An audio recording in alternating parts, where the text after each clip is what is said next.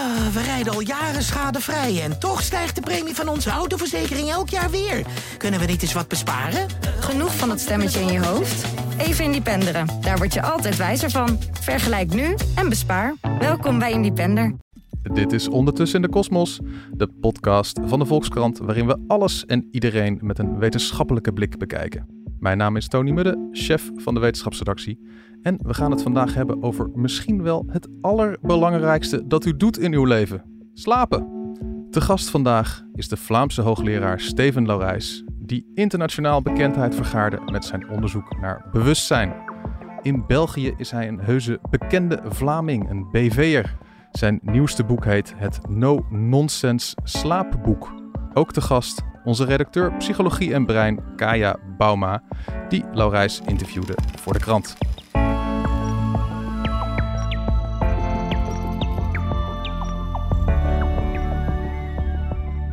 Meneer Laurijs, uh, om met u te beginnen. Ik, ik weet uit betrouwbare bron dat u zelf bijhoudt hoeveel u gemiddeld slaapt per nacht. Maar hoe doet u dat eigenlijk? En op hoeveel uur zit u dan? Dat is inderdaad zo. Um, ik ben een beetje geek en, en een onderzoeker die weten uh, is meten. Dus ik loop rond met een uh, smartwatch, dat is een Apple Watch, met een Fitbit, met een Oura Ring, met een Withings onder mijn matras. Dus ik ben vrij goed gemonitord, ja. Er waren twee dingen waarvan ik dacht, ik weet niet wat dat is. Een iets onder uw matras en een, en een Oura-ring. Wat zijn dat? het ding onder mijn matras is ja, gewoon een, eh, een sensor van Withings. Die uh, ja, dus gewoon meet wanneer ik erin kruip. En um, met dan de bewegingen. Hè, mm -hmm. Heel veel kan te weten komen. Ook de verschillende slaapstadia. En de ring van Oura, mm-hmm. dat is een uh, Fins bedrijfje, uh, is echt fantastische technologie, Tony. Die uh, meet alles of toch bijna. Ehm, dus natuurlijk beweging en hartfrequentie, ademhalingsfrequentie, de temperatuur ook. En kan daar dus heel ja, precies eigenlijk. We hebben dat ook nagekeken. Ik werk in het Universitair Ziekenhuis in, in Luik, waar ik het Centre Cerveau leid. En, en natuurlijk check je dat dan met de echte um, slaapmeting. We noemen dat een polysomnografie, met elektroden op je hoofd geplakt. En die doet het aardig en dan ja, krijg ik feedback. En dat vind ik, dat vind ik nuttig. En dat geeft me de signalen dat ik soms te veel in het rood ga. En, en op hoeveel uur slaap zit u nu gemiddeld per nacht? uh, dat zou ik even moeten checken. Maar ik ben net terug ja? uit uh, Canada, waar ik woon. Dus ja. het is ja, niet zo goed. Uh, vorige nacht 6 uur en 15 minuten. Uh -huh. Ja, en dan heb ik natuurlijk alle gemiddelden van uh, de voorbije week, een maand, een jaar. En ja, zie je al snel hoe zo'n jetlag toch een impact heeft natuurlijk op, uh, op je slaap. Want ik heb eigenlijk uh, acht uur nodig. Ja, precies. Want, uh, want hoe, hoe zit het nou met de slaap van de gemiddelde mens? Want ik hoor mensen om me willen zeggen van ja, met al die apparaatjes en, en we slapen steeds korter. En is dat nou zo? Slapen we steeds korter en gaat het steeds slechter? Of valt het wel mee? Gauw gaat het slechter. Ik denk, met het boek wil ik toch wat aandacht vragen voor onze slaap. Want, want het is echt uh, een belangrijke pijler van onze ja, gezondheid en ook mentaal welzijn. Dat, dat merk ik ook als, als arts, als neuroloog. En ja, de studies tonen dat het in onze moderne maatschappij, waar de meeste van ons uh, wakker worden met een, uh, met een wekker. En dan ja, niet noodzakelijk zich uitgeslapen voelen s ochtends en, en bakken koffie drinken. En dan wat uh, proberen uh, te recupereren in het weekend. Ik denk dat het fair is om te zeggen dat uh, een groot deel van ons kampt met een slaapprobleem. Een chronisch slaaptekort. Dat is zeker zo in de patiënten populatie die ik zie. 80% van de mensen die me uh, als ik de vraag stel: uh, ja, heeft u een, een goede slaap? Die antwoordt daar nee op. En dat is best belangrijk, want dat dat kan ons soms in een negatieve spiraal brengen, waar ja, de symptomen nog verergeren en stress en angst en eigenlijk al die uh, mentale, maar ook lichamelijke klachten nog worden uitvergroot. Politici die lijken daar niet echt uh, last van te hebben, althans sommigen. Wij hadden zelf onze oud-premier Balkenende die maar vier uur slaap per nacht nodig zei te hebben. Um, maar Merkel heb je natuurlijk ook, die noemde zichzelf een slaapkameel. Die zei, als ik uh, uh, in het weekend één nacht doorslaap, dan heb ik daar wel genoeg aan. Is dat nou opschepperij of, of zijn er mensen die, die daadwerkelijk met zo weinig slaap af kunnen? Vaak is dat opschepperij. Ik denk dat we daar toch zitten met een beetje een macho-cultuur waar, ja, waar we bijna trots zijn. Ik merk dat ook in, in mijn beroep als arts. Hè. Uh, ah, maar vier uur geslapen, hè. ik was van wacht en ik sta er toch. Maar eigenlijk is dat dwaas. Um, het is heel uitzonderlijk, dat is ook genetisch bepaald. Mensen die echt um, ja, goed kunnen denken en niet hun gezondheid ondergraven met slechts vier uur slaap, wat de helft is wat, uh, van wat de gemiddelde persoon nodig heeft. Dus ik, ik vind dat heel bizar. Uh, in het boek laat ik ook piloten aan het woord. En zij zijn natuurlijk heel goed geplaatst om te weten hoe belangrijk het is om uitgeslapen te zijn als je uh, de controle neemt van, van zulk een uh, vliegtuig. En we weten dat er gewoon meer fouten worden gemaakt als je niet bent uitgeslapen. En ik, ik vind het heel inspirerend en ik denk dat we wat kunnen leren van de cultuur bij lange vluchtpiloten. Uh, en dat natuurlijk niemand wil opstijgen met een, een uh, oververmoeide uh, piloot met slaaptekort. En waarom zouden we dan politici toelaten om belangrijke beslissingen te nemen gedurende hele lange uh, vergaderingen, soms tot stukken in de nacht, en, en dat die niet uh, goed uitgeslapen zijn. Net zoals natuurlijk de dokter, hè, die je ziet, die kan ook maar beter goed uitgeslapen zijn. En de studies tonen niet alleen dat dat uh, een probleem is voor je, ja, je mentale scherpte, maar dat je er bovendien ook je niet bewust van bent. Hè? Die, die, wat we cognitieve flexibiliteit noemen, de capaciteit om je aan te passen aan uh, nieuwe feiten en, en, en je positie bij te stellen, dat doe je niet, uh, maar je bent dus overtuigd dat alles oké is. En dat is dus dubbel gevaarlijk. Dus de, de, bij van die marathonvergaderingen, bij, uh, bijvoorbeeld bij de, Europese Commissie of, uh, of hier bij het kabinet. Die mensen die zijn dus dan slaapdronken besluiten aan het nemen, terwijl ze niet doorhebben dat ze slaapdronken zijn. Ja, dat is verschrikkelijk. Ik denk dat dat echt, uh, dat we als burgers beter verdienen.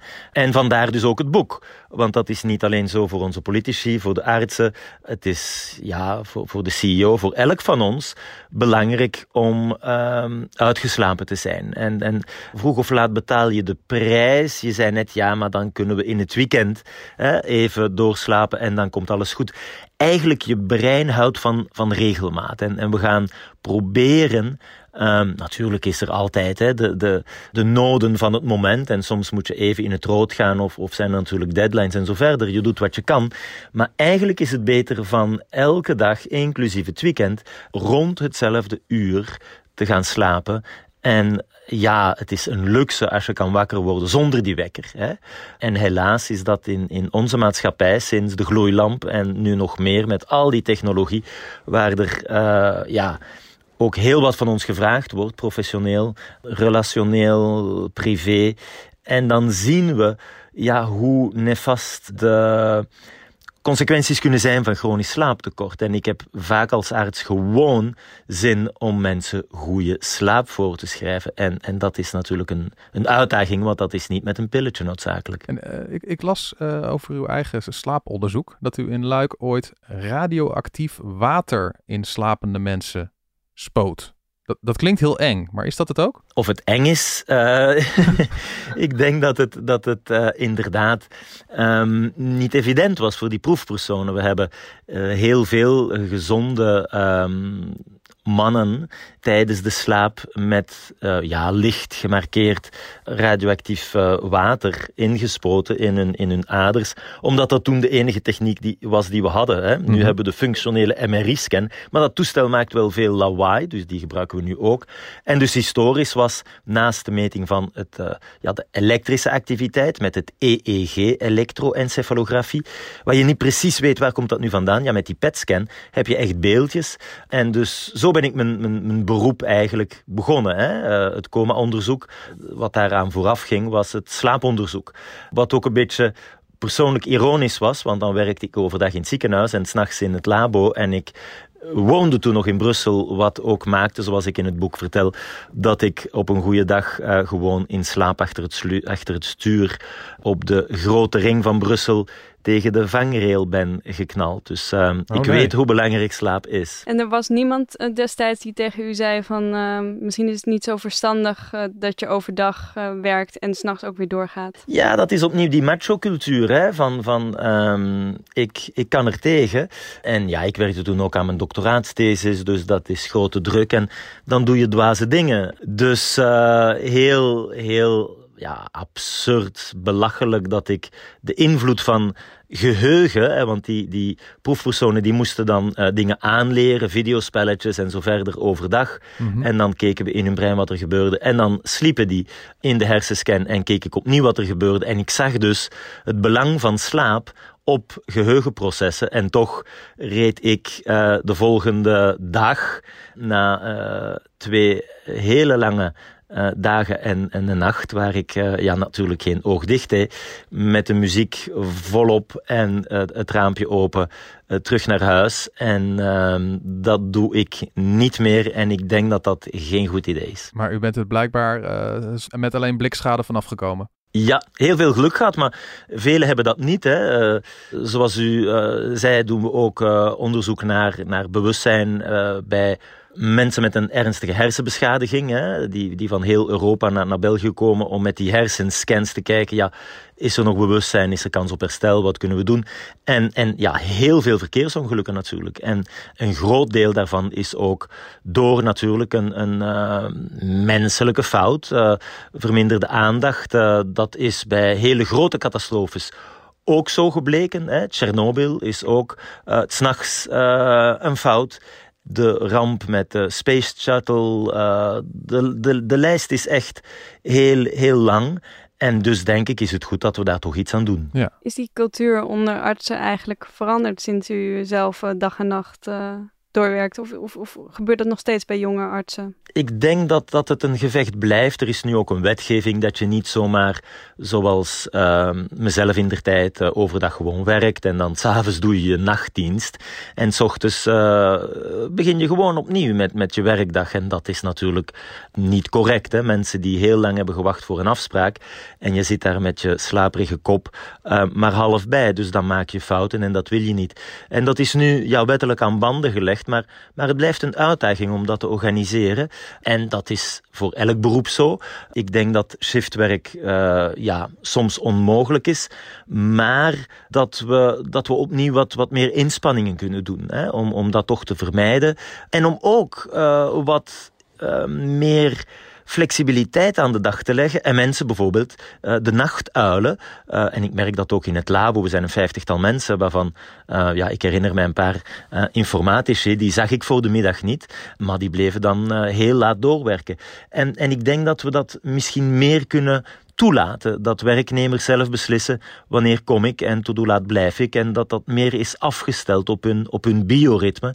En dat dat echt win-win is. Net zoals de schooluren trouwens. Hè. Ik denk dat daar ook ruimte is voor verbetering. En dat is pubers later naar school sturen? Ja, absoluut. Hè. Zoals ik in het boek vermeld. Uh, zij hebben gewoon een, een vertraagd uh, bioritme. Hè. We, we, we gaan soms al te snel hun beoordelen als luiaard, uh, sta op. en je gaat te laat slapen. Maar dat is gewoon een realiteit met die hormonale veranderingen. De, de tieners, pubers, adolescenten zouden eigenlijk best niet verplicht worden om uh, zo vroeg al op de schoolbanken te gaan zitten. Dat is vervelend voor de leraar, want een, een deel ja, die valt in slaap. Hm. En het is natuurlijk ook vervelend voor hun. En ik denk dat we daar opnieuw als maatschappij kunnen nadenken kan het niet wat later? En dat is opnieuw, denk ik, beter voor iedereen. En u had het net al even over van hoe die slaap uh, belangrijk is voor ja, het verwerken van, van leerervaringen. Dat u dat ook terugziet in, in, in, uh, in de hersenscans van slapende mensen die dan overdag allerlei taakjes hebben gedaan. Maar wat spookt dat lichaam eigenlijk en die hersenen nog meer uit gedurende die acht uur? Wat, wat, wat maakt slaap nou zo belangrijk? Wat doet dat lichaam dan eigenlijk? Verschrikkelijk veel eigenlijk. Ik denk dat we een verkeerd beeld hebben van, ah, ik slaap wel als ik dood ben en het is tijdverlies en kan ik dat niet uh, op een of andere manier inperken. Mm-hmm. Ik denk dat we ja, uh, slaap lekker moeten vinden en geen tijdverlies. Het is net zoals proberen om niet meer uh, te eten. Hè? Dat maakt deel uit van ons zijn. En, en ik denk dat we er meer aandacht en meer plezier kunnen aan beleven ook. Want je lichaam kan niet zonder slaap. Je gaat gewoon dood hè, als je niet slaapt. Het is ook niet meer toegestaan in de Guinness Book of Records om, om dat record proberen te breken. Dat zou heel dwaas zijn. En ja, je lichaam heeft het nodig. Er gebeurt heel veel. En dat is misschien opnieuw goed om, om met anderen te delen. Ik heb vijf kinderen, um, Tony. Uh, en, respect, en respect. Die uh, zorgen soms voor slapeloze nachten. Ja. En willen ook niet altijd naar bed. En dus ik heb nu met de, de jongste, Louis is vier, heb ik hem uitgelegd natuurlijk ook met het slaapboek. dat hij gewoon groter wordt, dat er groeihormoon wordt afgescheiden tijdens zijn slaap. En natuurlijk wil hij, zoals grote broer en de papa um, een grote flinke man worden. En dus uh, ja, zegt hij nu spontaan, ik ga naar bed papa. En dat is waar voor elk van ons. Hè. Het is eigenlijk een natuurlijk anabolicum. Hè. Je weet, die bodybuilders, die, die, die spuiten die anabolica in. En, en ja, met een reeks uh, neveneffecten hè, om, om sterker te worden. En, en uh, spieren en, en het hele lichaam. Wel, ja, groeihormoon krijg je gewoon gratis tijdens je nacht. En, en de productie is natuurlijk gecorreleerd met die trage hersengolven. Net zoals een recente ontdekking, en dat is echt heel, uh, ja, uh, boeiend vind ik, dat is het glymphatische systeem. Dus dat is um, nog niet zo lang dat we weten dat tijdens je slaap er opnieuw heel veel gebeurt, ook in je brein, waar er een echte detox gebeurt. Hè. We, uh, horen soms van die detox-drankjes, hè, die dit of dat zouden doen, en veel -hmm. daarvan is nonsens. En, en um, dat zijn van die quick fixes. Terwijl slaap echt een natuurlijke detox is. Die, die pathologische, die abnormale eiwitten, die we en andere um, toxische producten die we opstapelen tijdens de dag, wel, die gaan we gewoon um, ja, mechanisch verwijderen via dat glymfatisch systeem. Dus dat komt van je gliacellen, die steuncellen naast je neuronen, en dan het lymfesysteem, waarvan we dachten dat bestaat niet in je brein. En dus dit glymfatische systeem um, speelt een heel belangrijke rol. Begrijpen we hoe langer hoe meer. Bestuderen we ook bij traumatische hersenletsels. Bijvoorbeeld bij hersenschudding is een heel actief onderzoeksproject momenteel. Ook trouwens in Canada, waar ik nu zit. En, en ook bij Alzheimer. Dus uh, ja, alsjeblieft, geniet van je slaap. Het is goed voor je lichaam en voor je brein. Duidelijk, we, we moeten slapen, we moeten goed slapen. Uh, nou, nou kijk ik in cijfers van het eh, Centraal Bureau voor de Statistiek in Nederland. En dan blijkt dat hier in Nederland 20% van de Nederlanders slaapproblemen hebben. Ik denk dat dat in andere landen ook wel ongeveer zo'n getal zal zijn. En dat is dan moeite om in slaap te vallen, te vroeg wakker worden. En als er nu luisteraars zijn die denken, uh, ja, ik ben er ook zo een. Of ze denken, ik, ik lig er elke nacht naast eentje.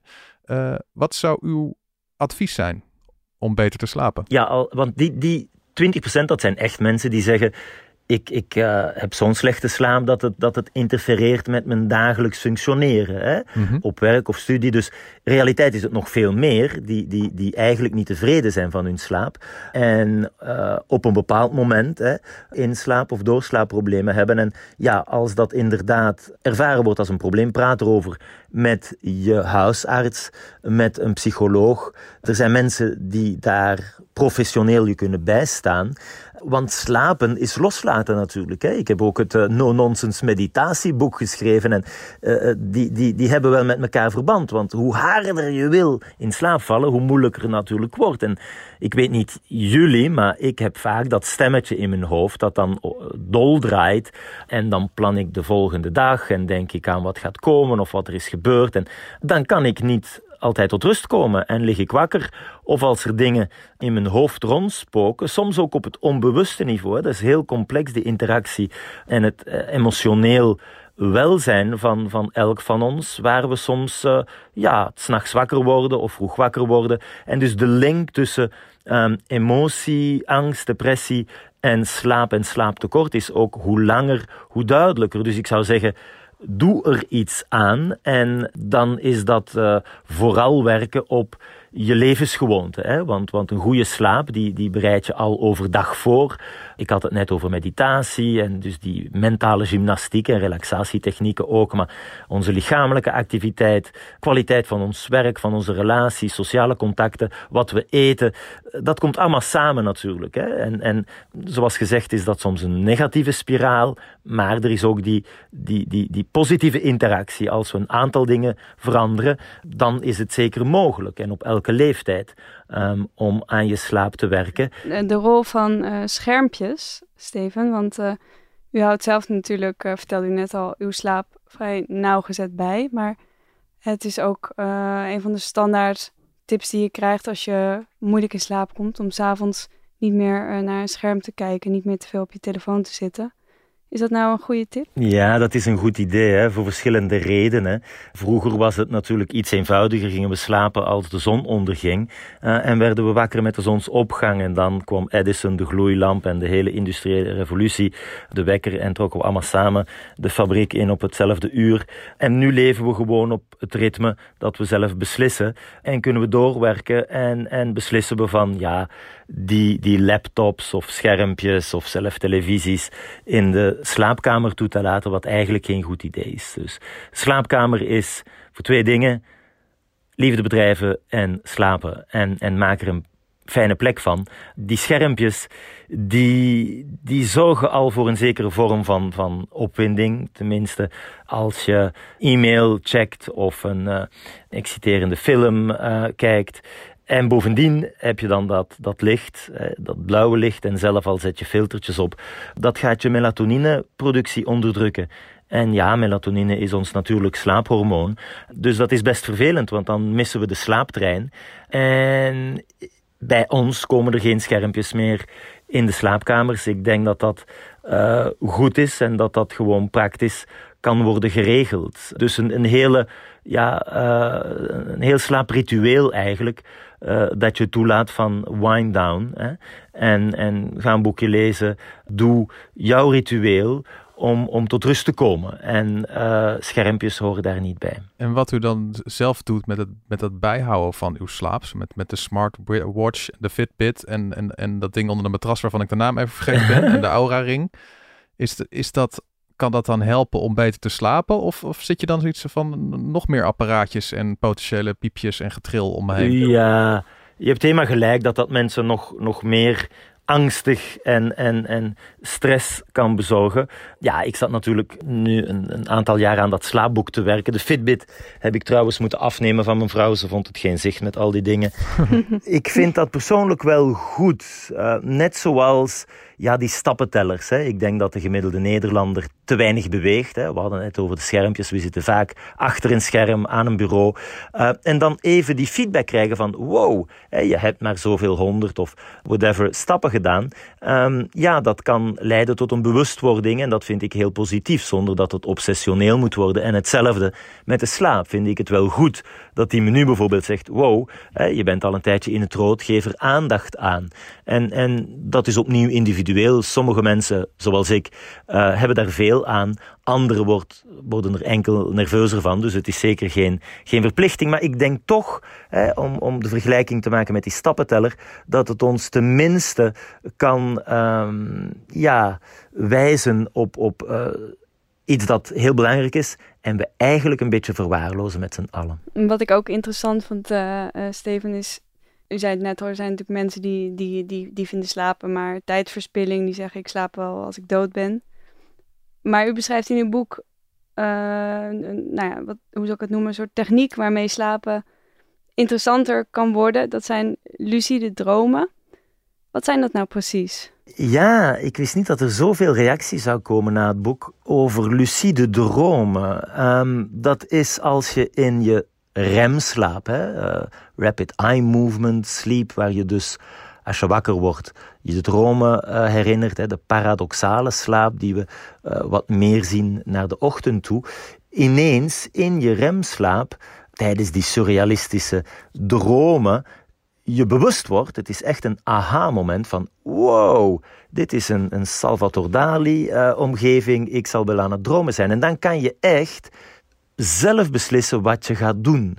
En dat is dus fantastisch. Het komt meer voor bij jongeren, meer voor bij vrouwen. En je kan het ook trainen. In het boek raad ik iedereen aan, hou een droomdagboek bij. Als je dat doet, dan ga je meer dromen herinneren. En als je je ook wat meer interesseert aan die lucide dromen, dus bewust worden tijdens je droomslaap en zelf kunnen beslissen, oké, nu ga ik, weet ik veel, uh, omhoog vliegen, dat is echt geweldig. En dan, dan gebeuren al die uh, knotsgekke scenario's, daar heb je geen controle over. Maar wat je zelf doet, dat controleer je wel. En dus voor mensen die inderdaad zeggen, ja, eh, ik, ik vind dat niet zo fijn om, om uh, zoveel uur onbewust ja, te missen eigenlijk, is dit ook wel een mooie uh, kans om het wat bewuster mee te maken. En, en het wordt nu zelf gebruikt uh, binnen bepaalde vormen van psychotherapie ook. Hoe dat dan? Mensen met een posttraumatische stressstoornis. Hè. Er is nu de oorlog in Oekraïne.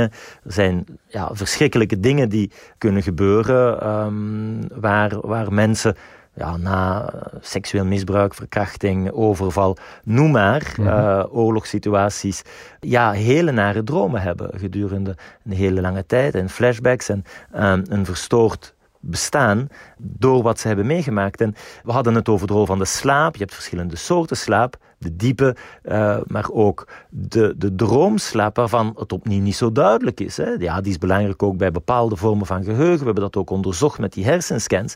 Um, maar die is denk ik heel belangrijk ook, en dat is hoe langer hoe duidelijker, voor je emotioneel welzijn. En die hele complexe interactie tussen onbewuste processen, bewuste processen. Sinds Freud en, en, de, en Jung en, en de hele psychanalytische beweging en de droominterpretatie, ja, zijn wetenschappers daar een beetje bang geworden van, van er zelf over te praten, wat nooit een goed idee is. En dus nu, en in het boek geef ik een paar voorbeelden, collega's die dat gebruiken. Uh, het is nog vroeg uh, om grote uitspraken te doen, maar ik vind het zeker interessant. En zo jammer dat de collega's slaaponderzoekers daar niet vroeger aandacht voor hebben gehad aan dat fascinerende fenomeen van de lucide droom. Maar dan, dan heel concreet, dan, stel ik ben iemand die getraumatiseerd is doordat ik een keer helemaal in elkaar geslagen ben. En ik, dat keert vaak terug in een droom. En dan met die lucide dromen, dan is dus het idee dat ik mezelf train, zodat op het moment dat dat gebeurt in mijn slaap, dat ik dan besef, hey, dit is een droom. En dat ik dan actie onderneem of zo? Of wegren? Of ja, die, op... die, die, die lui zelf in elkaar gaan slaan? of of mijn, is... mijn laser zwaar pak omdat ik... Ja, wat, hoe werkt dat dan? Wel, opnieuw, je doet dit hè, uh, samen met een uh, psycholoog hè, die, die daarin uh, je begeleidt.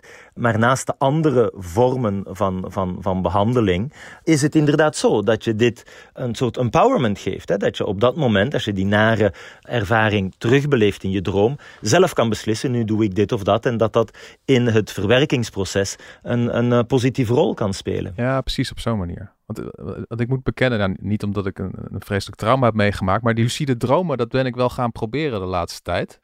En uh, dan, dan, loop ik net tegen iets aan waarvan ik denk, misschien heeft u nog wel een, een, tip voor me. Want ik ben wel zo iemand die denkt van ja, in slaap vallen, ja, dat is lekker. En uitgerust wakker worden, dat is ook lekker. Maar die, die, die acht uur daartussen, ja, ik vind het toch echt een soort, soort voorschot op de dood. Gewoon super, super saai.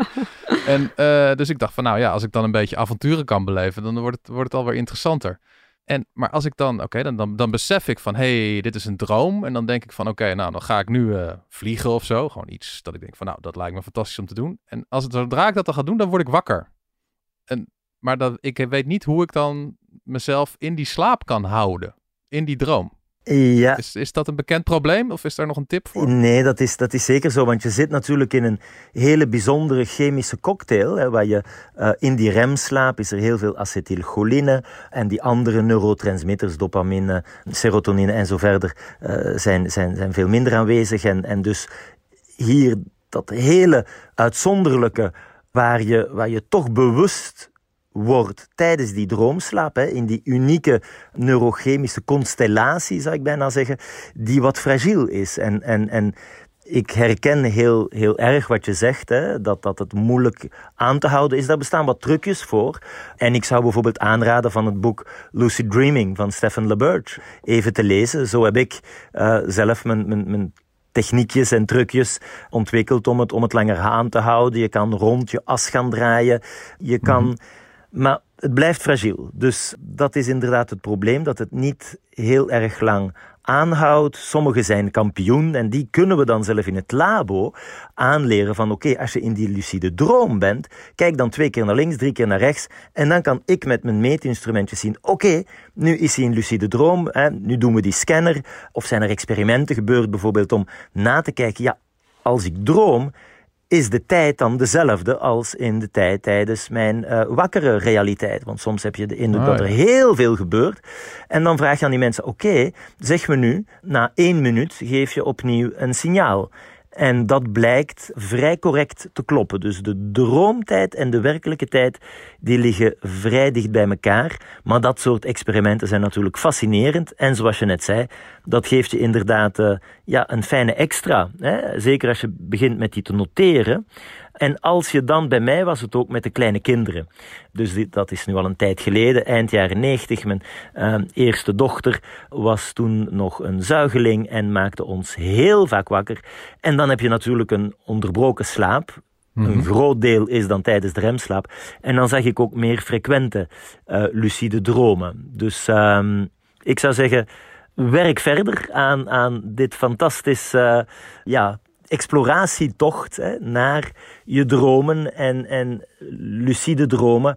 En er zijn toestellen ook waar je bijvoorbeeld met een, um, ja, zo'n soort hoofdband die dan de spieractiviteit en je oogbewegingen um, gaat opmeten en dan gaat gokken. Oké, nu ben je waarschijnlijk in droomslaap, want dan ben je ook heel erg verlamd. Hè. Vandaar dat je um, die, die wilde uh, acties hè, en die, die, die lichtsabel die je net zei, die je rondsabelt. Ja, natuurlijk, je, ver, je verroert geen vin tijdens je droomslaap, omdat er zo'n schakelaartje in je hersenstam um, maakt dat je, dat je verlamd bent. En, en je hebt die gekke oogbewegingen en dus dan kan dat toestelletje bijvoorbeeld een geluidje geven of, of uh, een flits door je oogleden en dan kan je opnieuw trainen van, oh, ik zie hier rode knipperlichten, dus ik zal aan het dromen zijn en dan ben je weer vertrokken. Ik vind het allemaal goede tips. Ik ga en eerder naar bed en harder werken aan lucide dromen, zodat het nog een beetje interessant uh, Fantastisch. Ben je ook van, je, ben je ook van de lucide dromen, Kaya, of niet? Nee, juist helemaal niet. Nee, ik vind juist het heerlijk aan slaap dat je geen controle erover hebt. Oh ja. Dus dat die dromen, dat dat juist, uh,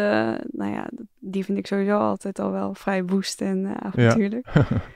nee, ik vind het heerlijk om daar, om daar uh, geen controle over te hebben. Oké, okay, dus jij, jij laat je meevaren en ik, en ik ga gewoon keihard aan het werk om, om te proberen mijn dromen bij te sturen. De controller ja. freak, hè? maar schrijf je je dromen ook neer in een dagboek? Dat, uh, dat heb ik wel een tijdje gedaan om mezelf te... Uh, dat, dat deed ik dan elke ochtend als ik wakker werd. Schreef ik meteen op welke droom ik had gehad. Omdat ik merkte dat ik dan vervolgens beter werd in het herkennen van dromen. Dat is helemaal correct. Ja. Dat is ehm, denk ik ook een, een mooie tip. Hè? Ga je het inderdaad appreciëren zonder de, de, de bewuste zelfcontrole? of train je die lucide dromen? Ik vind het wel tof. En ik denk ook dat het best iets vertelt. Hè, zonder daarom uh, mensen aan te raden om te gaan googlen. Hè. Ik heb over, weet ik veel, een gele autobus gedroomd. Wat betekent dat? Maar, maar dat het toch iets zegt over, ja, hoe voel ik me nu? Ja. En, en het is zo ongelooflijk dat we daar eigenlijk nog, ja, heel weinig over begrijpen eigenlijk. Hè. Waarom uh, hebben we die virtuele realiteit, hè, die, die, die zulke knotsgekke dingen voorstelt. Uh, belang voor geheugen, ook een hypothese is dat je je kan voorbereiden hè, in die virtual reality, uh, dan zonder de gevaren van de echte wereld, op mogelijke uh, scenario's. Hè, en dat het helpt met ons overleven. De link naar emotioneel, stabiliteit en welzijn. Maar, maar dus uh, ik denk nog heel veel werk voor de boeg, voor slaaponderzoekers, om, om ons te leren, ja, wat betekenen die dromen nu precies?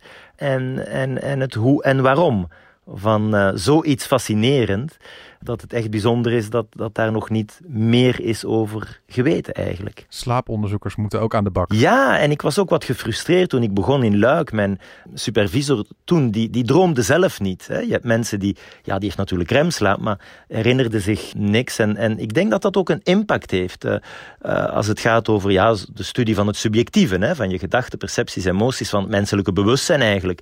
Als je dat dan zelf niet ervaart, dan heeft dat zeker, zeker een impact. Ik werk nu in Canada en, en daar hebben ze een hele andere relatie met de, de, de droomwereld. Hè. Die, die Native Americans, mijn, mijn echtgenote is ook uh, een, een halfbloed uh, Abenaki. Mm -hmm. Dus die ja, First Nation, die Inuits, die als die bijvoorbeeld tijdens hun droom door een slang worden gebeten, dan gaan die, als ze wakker worden, uh, anti-slangengif uh, strijken. Dus uh, heel interessant.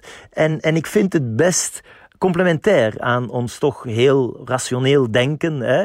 Descartes, je pense donc, je suis, ik denk, dus ik ben, maar ja, ik voel ook. En dat hebben we in deze hoogtechnologische maatschappij, hè, met uh, artificial intelligence, supercomputers, virtual reality, metaverse, maar eigenlijk een beetje herconnecteren, terugkoppelen naar ons emotioneel aanvoelen. Dat is denk ik ook belangrijk en wat verwaarloosd. Dus uh, de droomslaap, uh, naast al die andere studies die we doen met het labo naar anesthesie, psychedelica, meditatie, hypnose. Dus dat, dat interesseert het team heel erg en ik denk dat we daar nog mooie dingen kunnen ontdekken. Ik slaap dus ik ben. Je dors donc, ja.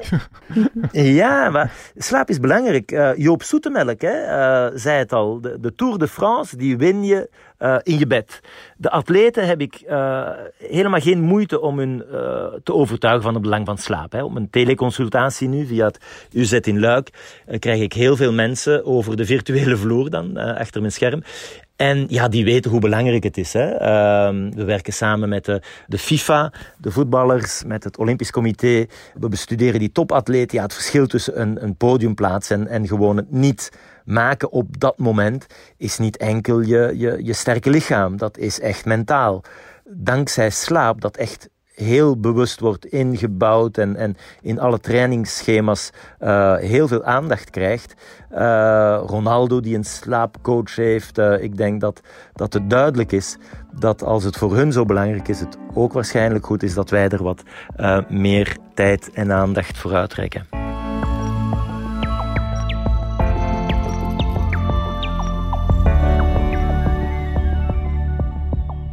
Dit was Ondertussen in de Kosmos, de podcast van de wetenschapsredactie van de Volkskrant. Grote dank aan mijn gasten van vandaag, Steven Laurijs, hoogleraar gespecialiseerd in bewustzijn en auteur van het No Nonsense slaapboek.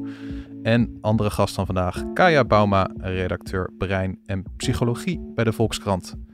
Wil je de volgende aflevering niet missen? Abonneer je dan op Ondertussen in de Kosmos in je favoriete podcast-app. Mijn naam is Tony Mudde. Graag tot een volgende keer over weer een geheel nieuw onderwerp. Hi, mijn naam is Corine Kolen en je luistert naar De Liefde van Nu. In de 18 jaar dat ik interview over de liefde heb ik die nog nooit zo zien veranderen als op dit moment. Grenzen tussen vriendschap en liefde zijn veel minder scherp. En ook de strikte verschillen wat betreft seksuele geaardheid en voorkeuren zijn aan het vervagen. In deze podcast interview ik telkens iemand die vertelt over hun zoektocht naar liefde en vriendschap. Dit is de liefde van nu.